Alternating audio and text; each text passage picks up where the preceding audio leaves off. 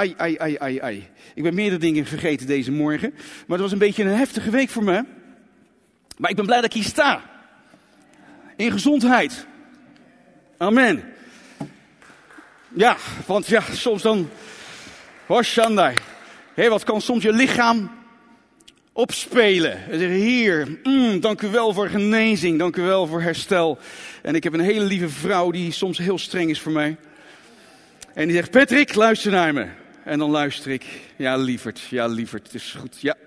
Dus ik heb geluisterd en ik ben verstandig geweest van de week. De ware betekenis van kerstmis. Wat is nou de ware betekenis van kerstmis te midden van de eindtijd? Daar wil ik over spreken deze morgen. Houdt u ook zo van chocola? Wie houdt er van chocola? Witte chocola. Puur. Melkchocolade.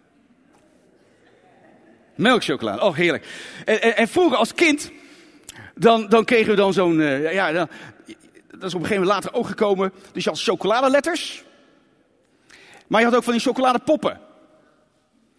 Maar ik vond die chocoladepoppen vond ik eigenlijk niets. Dat vind ik niet zo. Ik, ik gaf, ik, ik, geef mij maar een chocoladeletter. Letter. Melk. Want een, een, een, ik, toen ik een keertje een chocoladepop kreeg, het zag er prachtig mooi uit aan de, aan de buitenkant. En ik maakte dat open om te ontdekken, hij is hol van binnen. Ik was zo teleurgesteld. Hoe kan je nou een pop maken en die is hol? Nou, ik vond het echt helemaal niks, dus ik ben een voorstander van zo'n heerlijke chocoladeletter. Helemaal lekker zwaar van 500 gram of zo. Wow, heerlijk toch? Ach, en gisteravond hadden we een heerlijk kerstfeest bij Benjamin thuis. Alle kinderen waren uitgenodigd. En ja, sommigen van jullie weten dat niet, maar als je zou moeten weten hoe dat eruit ziet bij Benjamin thuis. Het is, oh wow, ja echt super. Benjamin, en hij had uitgepakt. We hebben een geweldige tijd gehad. Ook met alle kinderen. Het was super. Het was super. En wat had hij nou gekocht? Hij had chocoladepoppetjes staan. En ik zag het doen. En ik pakte er eentje, maar hij was zwaar. Ik, hé! Hey! En er lagen lepeltjes bij. Eh, eh, eh. Dus ik heb hem opengemaakt. Hij was niet hol. Hij was gevuld met allemaal lekkers. Oh, ik heb er zelfs twee op. Super, super. Een paar weken terug, ik had een, hoop, een stapel hout voor mijn deur. Wij steken, stoken eigenlijk op hout. We hebben ook wel cv hoor, eventjes gelijk helder. Maar we stoken heel erg veel op hout. Vinden we lekker, het is knus, gezellig. Dus straks als ik vanavond of vanmiddag thuis kom, dan ga ik die open haard, of nee, het is een haard, zo'n zo, zo, kachel, die gaat dan weer lekker aan. En ik had een stapel hout voor de deur en ik had uh, Julian gevraagd, joh Julian, wil jij, dat wat, wil jij dat hout hebben? Hij zegt, ja hoor, dat, dat wil, ik, wil ik graag hebben. En we waren dat allemaal aan het verschouwen en op een gegeven moment greep ik in een stuk hout. En dat stuk hout, en anders had u er een plaatje van gezien, die was, dat was hol van binnen. Die was hol van binnen. En dat is foute boel. Als een, als een boom hol is van binnen, als een boom uitgehold is van binnen, dan dreigt daar gevaar. En daarom krijg ik ook dat hout van mijn buurjongen, die, die, die zaagt het dan voor mij. Want hij zegt, ja, ik, mag, ik moet, ik moet zo'n boom opruimen, omdat die boom hol is. Niet altijd, maar dan. Want zo'n boom is gevaarlijk. En hoe komt het nou dat een boom hol is van binnen? Wie weet dat? Begin met een S. Je hebt bacteriën, je hebt virussen en je hebt schimmel. Het is een schimmel die in zo'n boom komt. En die maakt zo'n boom ziek. En die maakt hem hol van binnen. Die wordt van binnen opgevreten. Aan de buitenkant zie je helemaal niks. Prachtige mooie boom. En dan staat er soms wel zo'n kruis op, hè, op zo'n op zo'n boom. En dan denk je, waarom moet dat nou? Wat is er nou aan de hand? Het zou best kunnen dat zo'n schimmel zo'n boom heeft opgevreten van binnen. Is hol aan de binnenkant. Het is uitgehold. Een relatie zonder diepgang. Je bent jarenlang ben je met elkaar onderweg. Maar uiteindelijk op de een of andere manier is die liefde uitgehold. Het is er niet meer. Eh, we zien in de hele samenleving een uitholling van alle normen en waarden. Een soort uitholling. En zo'n uitholling, dat is een proces. Dat gebeurt niet op de een of andere dag. Zo'n boom is niet van de een op de andere dag hol. Het is, op een gegeven moment komt daar zo'n schimmel in en die weet zich op de een of andere manier te vermenigvuldigen. Waardoor dan die uitholling op een gegeven moment in een versneld proces terechtkomt. En dus die uitholling is een proces. En dat zie je dus eigenlijk ook in die samenleving. Langzaam maar zeker wordt het, lijkt het net alsof het slechter wordt. In ieder geval niet beter. En vindt er dus zo'n uitholling plaats. En wat gebeurt er dan eigenlijk? Die essentiële, fundamentele inhoud of kracht of waarde van iets, dat, wordt, dat neemt geleidelijk af. Men raakt dat kwijt. Door het beuken van de wind en de zee op zo'n dijk. Die moet al stevig zijn, maar door voortdurend dat beuken van de zee en die wind op zo'n dijk, dan raakt zo'n dijk op een gegeven moment, zou het kunnen zijn dat het raakt uitgehold.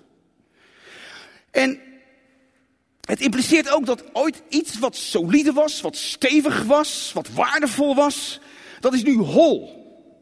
Het is leeg of zwak van binnen. Ik belde iemand op van de week en die nam op en ik hoorde aan de manier waarop hij, of de, de stem, de klank, dat hij ergens stond in een lege ruimte. Het klonk hol. Het was niet aangekleed. Het was hol. Hol. Hol. Het is niet fijn als iets hol is van binnen. Um, uw euro die is eigenlijk in de afgelopen periode, afgelopen jaren, aan waarde uitgehold.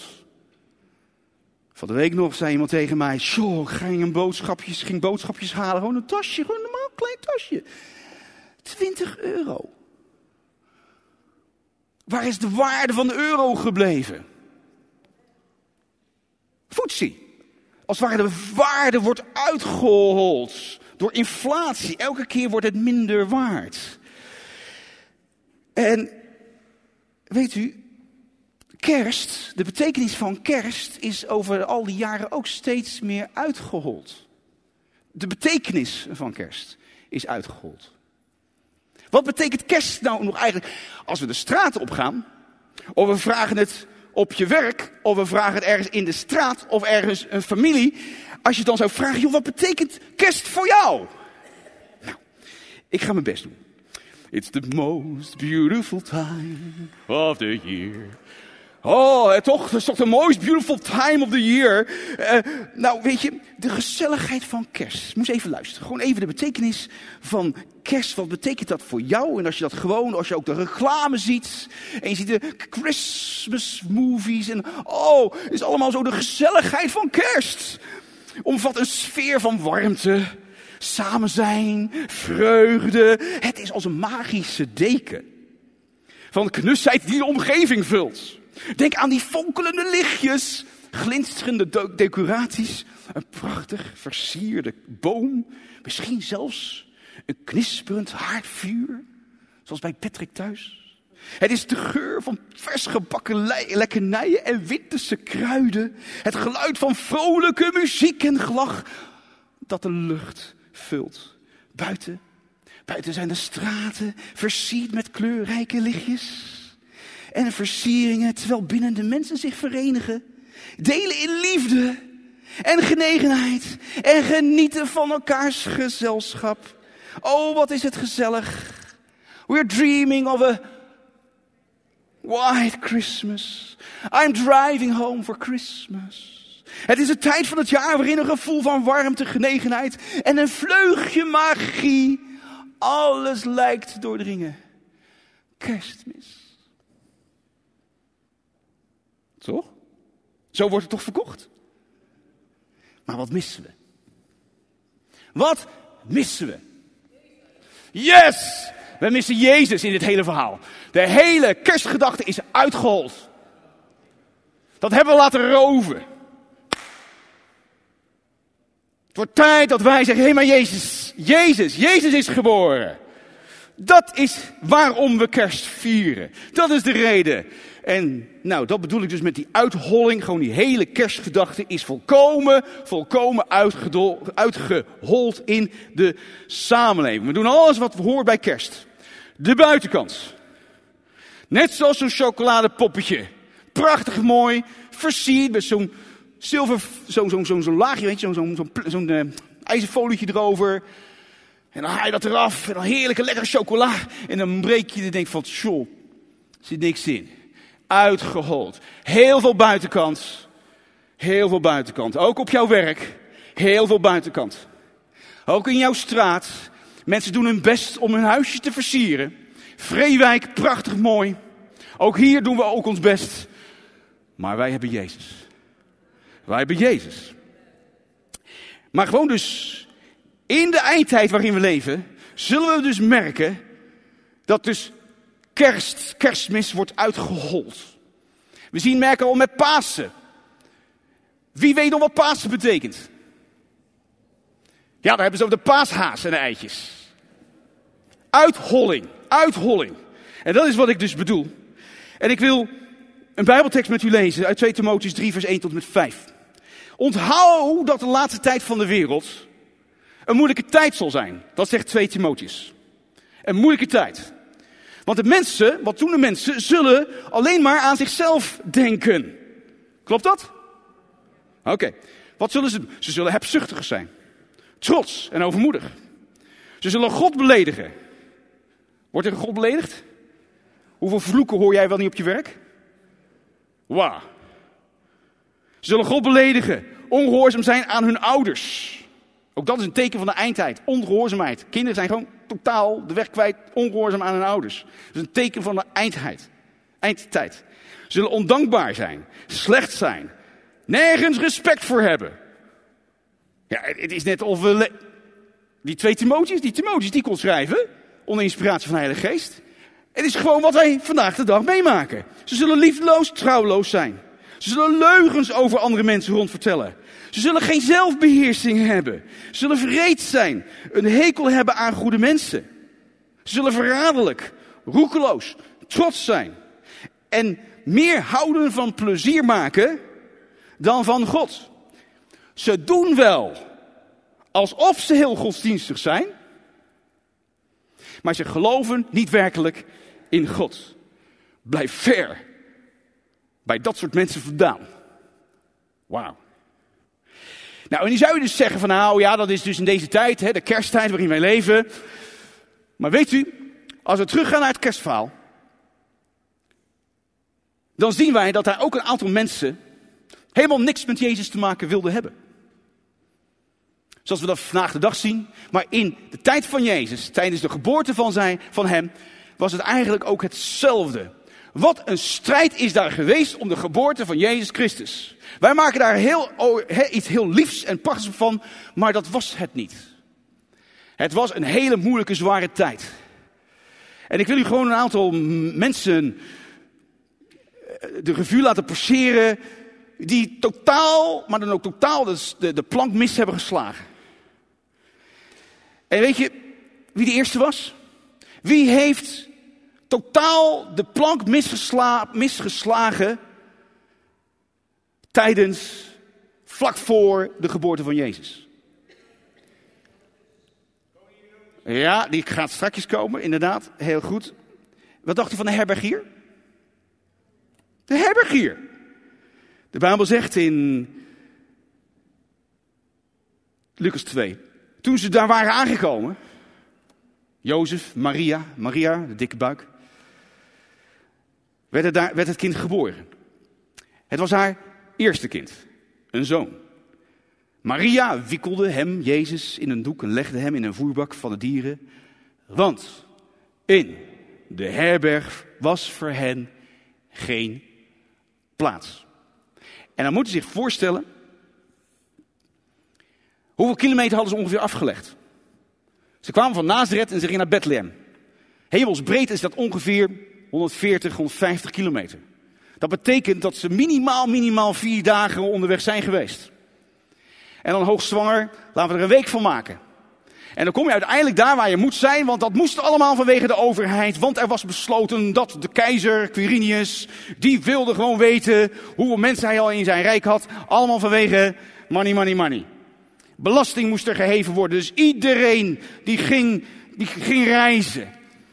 En voor de herbergiers, de hoteleigenaars, was dit gewoon geweldig. Wat een omzet. Wat een business, jongens. Heel Bethlehem. En dat was maar een klein plekje. Dat was echt een, ja, wat, wat misschien een room op de stad Rotterdam.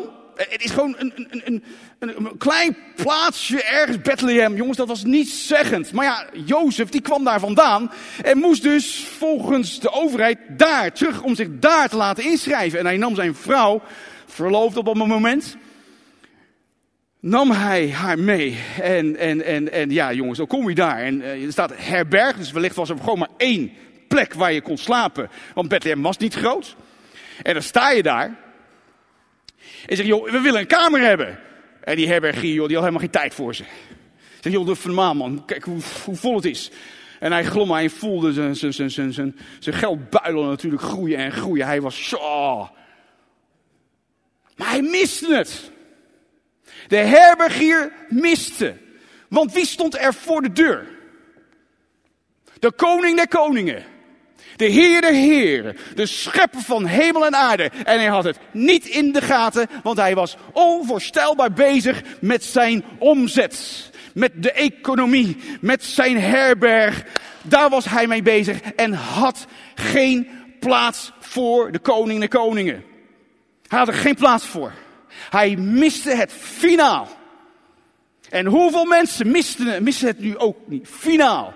Ze zijn druk bezig. De economie, jongens. Deze maand december.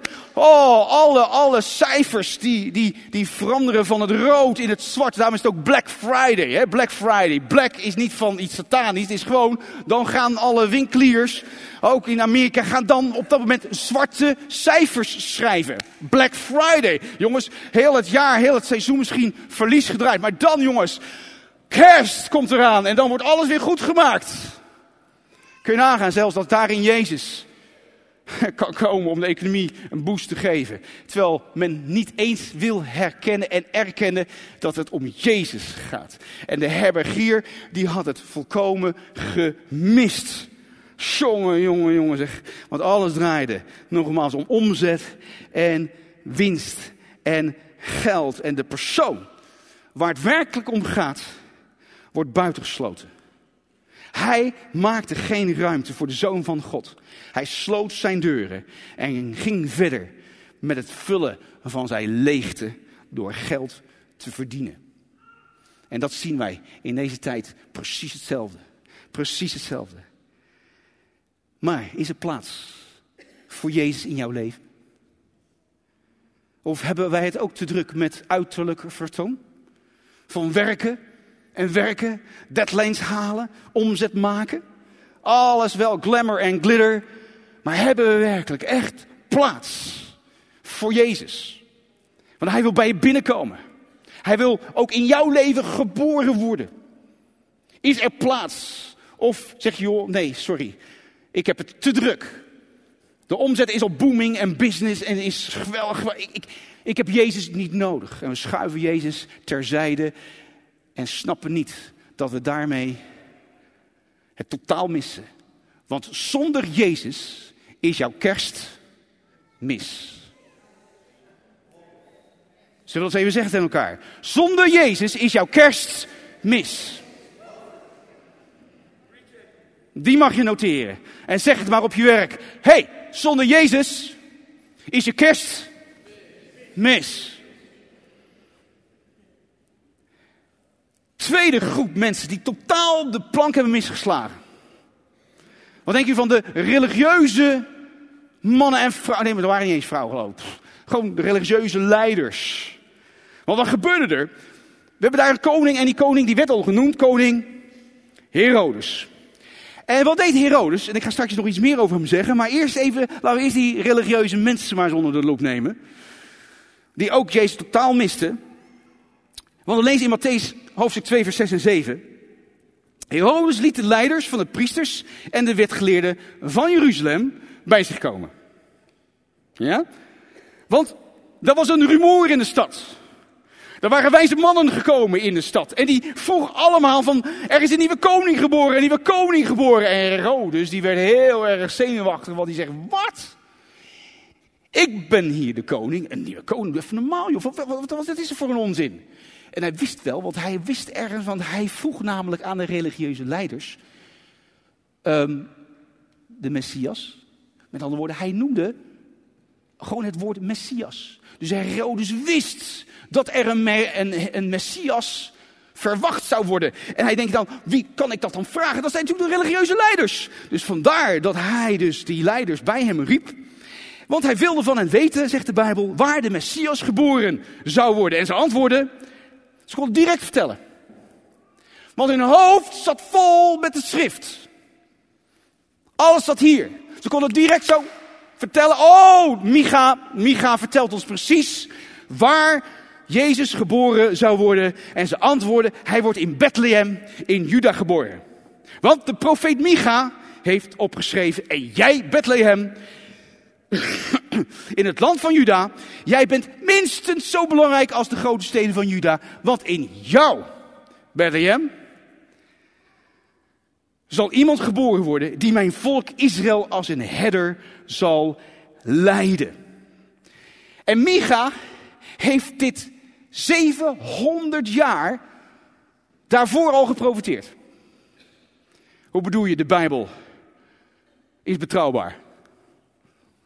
Wow, dat een profeet van God heeft gehoord om op te schrijven, te noteren onder de inspiratie van de Heilige Geest. Micha, 700 jaar daarvoor, dat Jezus de Messias geboren zou worden in Bethlehem. Nou jongens, dit is gewoon ongekend. Kanaan, het is niet 2000. Der- in, zeg, in het jaar 1300. Dat is lang geleden, hè, 1300. Dat er dan een man is die zegt, Jezus wordt geboren in Rome. Zeg maar zijn straat. Hé, hey, jongens, dit is toch onvoorstelbaar? Toch? Dit is zo mooi. Dit is onze God. Hij had het gewoon gezet in zijn woord 700, 700 jaar daarvoor al. Onvoorstelbaar knap. Micha. En de religieuze leiders die konden het zo vertellen. Oh, dat is Bethlehem. Bethlehem. En weet je wat nou het probleem was? Deze religieuze leiders, die kenden het woord, maar ze maakten nooit de reis naar Bethlehem. Zij zijn nooit gaan staan, er was niet iets in hun waarvan ze zeiden van zo. Als daar al die, al die, al die, rumors zijn, dan laat ik daar eens naartoe gaan. Laat ik ook eens naar Bethlehem gaan. Laat ik eens echt op onderzoek uitgaan. Dat deden ze niet, want ze zaten vol met kennis, maar het zakte niet naar hun hart. Ze wisten een hoop, maar ze bleven waar ze, wa- waar ze waren. Ze zaten vol met de schrift, maar het was niet een levende relatie. Ten opzichte van de wijzen die honderden, misschien wel duizend kilometer hadden afgelegd om uiteindelijk in Bethlehem te komen. Wat hadden zij er niet voor over om die reis te maken? En dan de religieuze leiders die gewoon in Jeruzalem woonden, die maakten geen aanstalten. Die maakten zich niet druk. Die gingen niet die weg richting Bethlehem. Jongens, als het geschreven woord, als de Bijbel ons niet brengt bij Jezus het levende woord, dan wordt dit zomaar een boek. Dan wordt het alleen maar een boek. We kunnen ons hoofd vol proppen met allemaal Bijbelteksten. We kunnen Bijbelteksten quoten tot we helemaal blauw zien in het gezicht. Als het ons niet leidt naar Jezus, dan is het zomaar een boek. Dan is het zomaar een boek. Maar dit is het levende woord. En het levende woord brengt ons bij Jezus, de levende Christus. En dan stapt misschien ook Johannes 5, vers 39. Jullie bestuderen de boeken, dat zijn de woorden van Jezus. Want jullie verwachten daardoor het eeuwige leven te krijgen. In de boeken staat wie ik ben.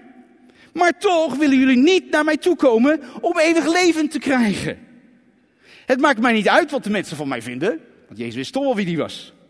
Maar ik ken jullie. Er is geen liefde van God in jullie hart. Wow. En dat is dus de crux. Dat is waar het om gaat. Is er liefde in jouw hart voor Jezus? Of is het puur alleen maar een geloof? Is het puur alleen maar, ja, we weten het, maar we leven het niet uit? Dus de religieuze leiders hadden ook totaal volkomen de plank misgeslagen. En weet je wat ik ook wel is? Dat is altijd die eeuwige discussie die elk jaar weer opkomt. Oh, maar met kerst is Jezus helemaal niet geboren. Ik ga, waarom ga ik kerst dan vieren? Jezus is helemaal niet geboren op kerst. Dan praat je eigenlijk net zoals die religieuze leiders. Want dan snappen we er helemaal niks van. Want het gaat niet om die dag. Daar gaat het helemaal niet om. We gaan toch niet discussiëren over een dag waarop wel, Jezus wel of niet geboren is? Daar gaan we toch niet over discussiëren? Daar gaan we toch niet zeggen, we gaan dus toch niet de hele kerst blokkeren omdat jij denkt dat, dat Jezus daar niet... Kom op. Velen van jullie die hier zitten, een aantal in ieder geval van jullie, jullie voorouders, weten ook niet op welke dag ze geboren waren. Daar zitten hier mensen waarvan voorouders niet weten wanneer ze geboren waren. Die zijn ergens in slavernij geboren. Ze wisten ergens op welke plantage ze zijn geboren. Wellicht het jaar dat ze dat dan wisten. Maar ze wisten de geboortedag, wisten ze vaak niet. Maar ze bestonden wel. Zo. En of dat er gewoon een dag werd genomen en zegt van, jongens, we gaan het vieren. We gaan het leven vieren. We gaan de geboorte vieren. En wij gaan de geboorte van Jezus vieren. Ook al maakt, het maakt niet uit wanneer hij is geboren. Wij gaan Jezus geboortedag vieren. En ik vind dan nog een knipoog naar al die voorouders toe die niet weten wanneer ze geboren waren. Dat wij nu gewoon vandaag de dag kunnen zeggen, jongens, we gaan het gewoon doen. Die dagen, wat is vastgesteld. En we gaan zoveel mogelijk mensen laten weten, Jezus leeft. Dat is waar het om gaat. Dan moet je het nog even kwijt, lieve mensen. Herodes is al genoemd. Weet u wat er staat in de Bijbel? En dat weet u wel. Maar soms lezen we er, een klein beetje overheen.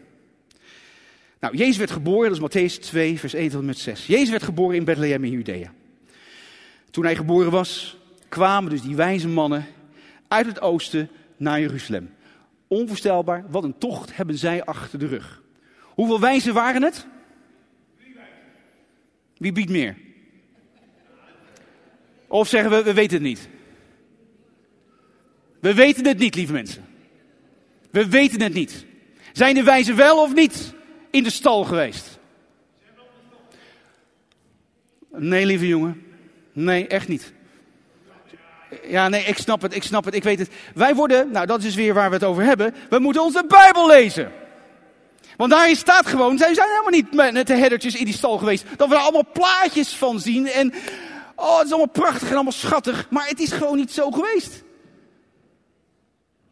Zij kwamen veel later pas richting Bethlehem. Ze hadden een ster zien staan.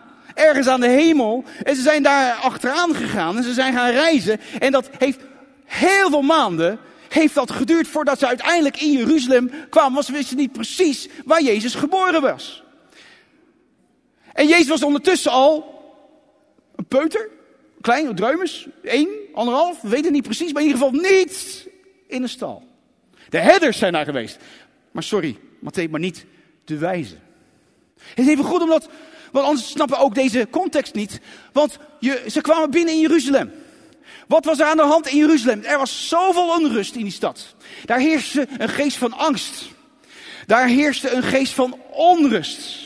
Ze hadden al die hele toestand gehad dat iedereen op reis moest naar hun eigen geboortestad om zich daar te laten inschrijven vanwege al die belastingen. En ze hadden in Jeruzalem ook te maken met een koning. En die koning heette Herodes. En Herodes, lieve mensen, dat was geen lievertje. Dat was een hele akelige, gemene, jaloerse man. Weet je wat hij gedaan heeft? Deze man was getrouwd met Mirjamne. En daar had hij twee kinderen. En dat was zijn lievelingsvrouw. Hij hield erg veel van deze vrouw. Maar had twee zonen gekregen. Uit dat huwelijk. Twee jaar voordat de wijze mannen ongeveer kwamen. Wat hij heeft gedaan. Deze mannen, deze zonen van hem. Hij voelde zich zo bedreigd. Met betrekking tot zijn koningschap. Dat hij ze heeft beschuldigd van verraad. En heeft zijn eigen zonen ter dood voordeeld. Dit is gewoon geschiedenis. Hij heeft zijn twee zonen gedood. Op het moment dat dus de wijzen daar kwamen, in die tijd, was er een andere zoon. Met de naam Antipater. Die stond op dat moment onder veroordeling. En onder het volk was daar dus een geroezemoes. Dat de troost van Israël geboren was. En die magiërs of die, die wijzen die kwamen, die, die, die, die, die vroegen overal, jongens, er is een nieuwe koning geboren. Wij hebben zijn ster zien staan. En dat bracht alleen maar nog meer onrust in de hele stad. En Herodes had ook zijn spionnen in de stad en hoorde dus, want dat was nogal, dat waren, dat waren hele, dat waren rijke mannen die op kamelen vanuit het oosten richting Jeruzalem waren gekomen, dat, dat was wat, wat daar binnenkwam. Dat was, dat was, dus mensen die spraken daarover. Dus er was een enorme grote onrust gaande in de stad. Want die magiërs, die, die wijzen, die hielden het niet stil. Die waren alleen maar aan het vragen, waar is dan die nieuwe koning? En Herodes, die daarvoor zijn zonen al had vermoord, ondertussen zijn andere zoon Antipater in de bak had laten zetten. Hoort nu ineens het nieuws? Wat? Een nieuwe koning geboren? Dus die man was in alle staten, want dit wilde hij niet. Dit zegt iets over wie hij was. En liet dan op een hele vriendelijke manier die magiërs bij zich komen. Met de vraag: Hallo, ik ben de koning Herodes. Oh, wat geweldig. Zeg jullie hebben een ster zien staan? Ja, ja, dat. Oh, geweldig. Nou, weet je wat we nou doen als jullie hem nou hebben gevonden? Kom dan bij mij terug. Vertel waar ik hem kan vinden. Want we weten dat hij in Bethlehem is. Want dat had hij intussen had hij dat gevraagd aan de religieuze leiders. Die hadden gezegd, het is Bethlehem. Dus hij zei, jullie moeten in Bethlehem zijn. Jullie moeten in Bethlehem zijn. Zie je jongens, je kijkt niet naar die buitenkant. Dat is allemaal een en al lach en allemaal maar binnen was het zwart. Aan de andere kant dacht hij van, oh jongens, als zij weten. Want die magiërs, die wijzen zullen het misschien makkelijker vinden dan ik. En die zijn zo gedreven om Jezus te vinden, om, dat, om, om die nieuwe koning te vinden. Dan zouden jullie dan weer langs mij terugkomen willen komen. Want dan, dan kan ik ook die nieuwe koning eren. Slangig heet dat, hè? Toxic. Oeh. En dan weet je ook, hè, het is niet, het is niet die buitenkant, het gaat om de binnenkant. hè? En dan voel je zo, je weet gewoon, dan praat je soms met mensen en die, dan denk je en je kijkt naar ze en denk je, ja, je lacht wel, maar ik voel me gewoon zo onrustig van binnen. Waarom? Het is de geest die communiceert. Het is de geest die communiceert. Vergeet dat nooit. En ondertussen gingen die magiërs gingen dus op weg en ze werden geholpen en uiteindelijk kwamen ze dus op de plek, het huis. Het huis staat er in de Bijbel. Waar zij dus Jezus hebben ontmoet. En door de engel gewaarschuwd, wisten de magiërs, wij moeten niet via Herodes terug. Wij moeten direct terug. En dus met een omweg gingen ze terug naar huis. En Herodes, die was elke dag aan het wachten, wanneer komen ze nou? En toen, toen hij hoorde dat ze via een omweg aan de andere kant zijn gegaan, was hij zo boos. Hij zegt, wat nou? Hij, toen kwam zijn ware aard naar boven. En wat heeft hij gedaan? Bethlehem? Oké, daar moeten we zijn. Alle kinderen tot en met twee jaar. Dood ze. Al die jongetjes. Niet de meisjes, alle jongetjes dood ze. Dat laat iets zien wat een geestelijke strijd daar was. Want in de geestelijke wereld was daar paniek. Als we met geestelijke ogen naar gaan kijken. Er was paniek in de geestelijke wereld. Want een nieuwe koning was geboren. De nieuwe koning was geboren. En Herodes werd door de vijand, door Satan gebruikt. Om het kleine wat geboren wordt, om dat te doden. En dat doet Satan zo graag. Ook in jouw leven. Dat wat klein is, dat wat kwetsbaar is. Dat wat geboren wordt in jouw leven. Om dat zo snel mogelijk te roven uit jouw leven. Waardoor het niet tot wasdom kan gaan worden. Waardoor het niet tot volwassenheid kan groeien. En dat zien we dus hier weer terug. Wat een strijd. Dat zelfs de engelen, de engelactiviteit rondom de geboorte van Jezus was enorm. Dat was enorm. De engelen bij de herders. Een engel die aan Maria verscheen. Een engel die in de droom verscheen aan Jozef. Hem waarschuwde. Jozef, Jozef, Jozef, sta op. Neem je kind, neem je vrouw. Vlucht naar Egypte. Want Herodes is erop uit om het kind te Ziet u wat er allemaal gebeurt? Wat een strijd. Wat een enorme strijd. En wij hier, kerstlichtjes en... Oh, lieve mensen, er is een strijd gaande in deze eindtijd. Er is een strijd gaande. Wij mogen niet de kerst, het kerstkindje mogen eigenlijk niet vieren. Dat wil men niet. Het moet uitgehold worden. Jezus moet eruit. Jezus mag niet meer. Lichtjes mogen, kerstboom mag, alles mag. Behalve de ware boodschap van Jezus. Ha, te laat. Te laat. Want wij getuigen met ons hele hart. Jezus leeft. Jezus regeert.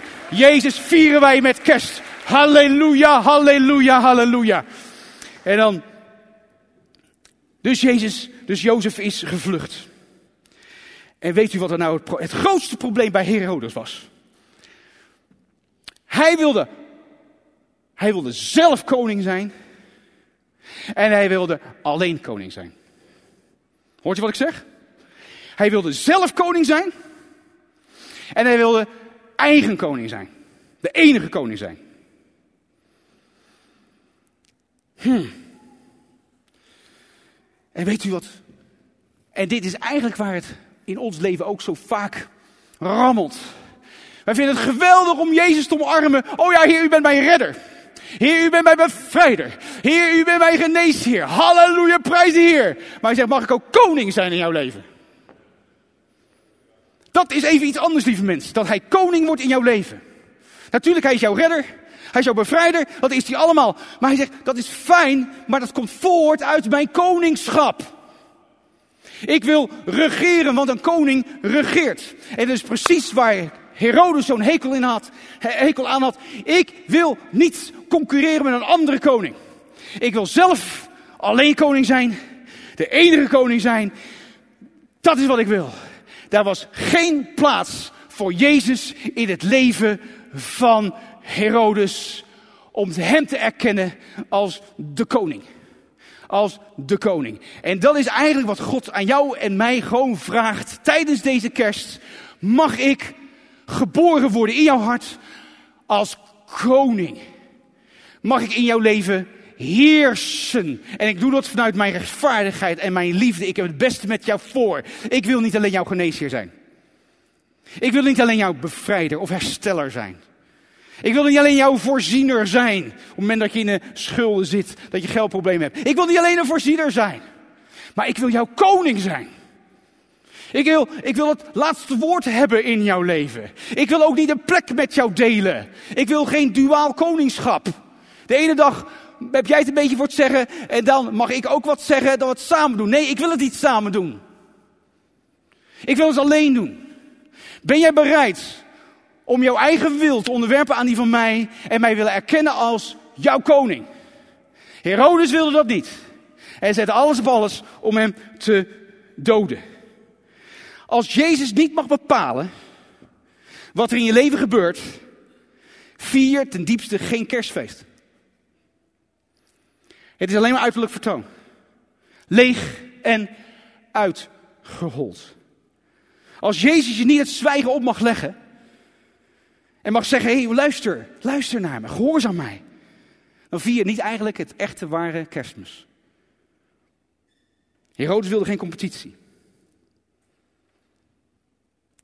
Maar laat Jezus alsjeblieft mogen heersen in jouw leven. De reden waarom er zoveel onrust is in de, in, in de wereld. De reden waarom alles in rep en roer is. En dan kunnen ze strakjes met kerst alles wel eventjes een staakt het vuren. Een bestand af kunnen kondigen met vrede op aarde. Het is leeg. Dat is uitgehold. Dat is even voor de buren. Dat, heeft geen, dat houdt ook geen stand. Dat is niet waarom Jezus is gekomen. Als kind, als baby, als koning, om uiteindelijk voor jou en voor mij te sterven aan het kruis. Mag Hij jouw koning zijn? Mag Hij jouw koning zijn waarin Hij het laatste woord heeft? Is er plaats in jouw hart? Bij de herbergier was er geen plaats. Als Hij aan jouw deur, deur klopt. Lieve mensen, als je kijkt thuis, Is er bij jou nog plaats? Is er bij jou plaats? Überhaupt plaats? Als hij aan de deur stopt, klopt. Is hij welkom? Is er plaats in jouw hart? Is er ruimte in jouw hart om hem toe te laten? Mag hij binnenkomen? Mag hij in jouw leven geboren worden?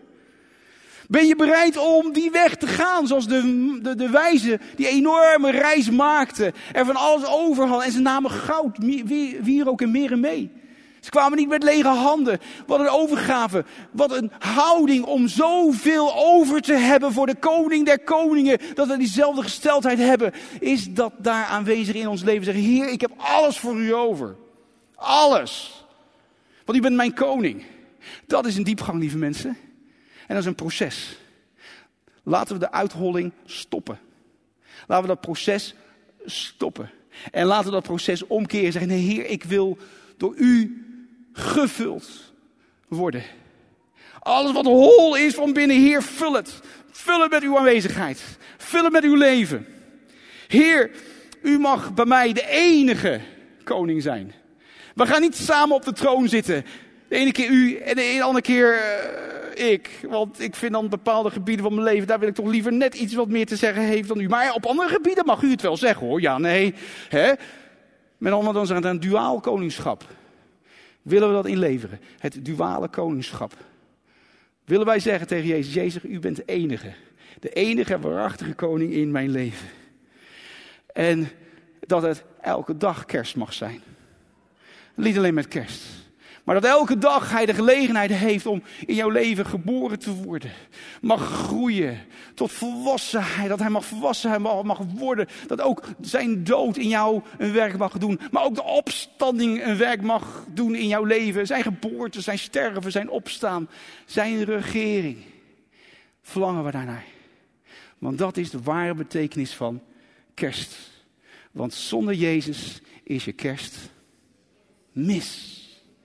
En ja, lieve mensen, dat is eigenlijk waar het om gaat. Die uitholling van de kerstgedachte, laten wij daar verandering in brengen. Zeg, hé, hey, lieve mensen, hier gaat het om. Volgende week zondagavond, we weten niet allemaal wie allemaal gaat komen, maar dat wij Jezus zullen presenteren. Vanuit onze houding, vanuit gewoon wie we zijn, dat de liefde door ons heen zal gutsen.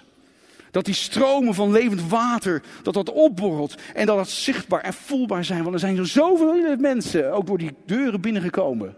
En die zeiden van, ah, oh, ik, voel, ik voel iets. Ik, ik, ik, ik, ik, ervaar, ik ervaar iets. En wij zeggen, ja, dat is Jezus. Maar dat is, dat, dat is iets wat wij met elkaar mogen meebrengen.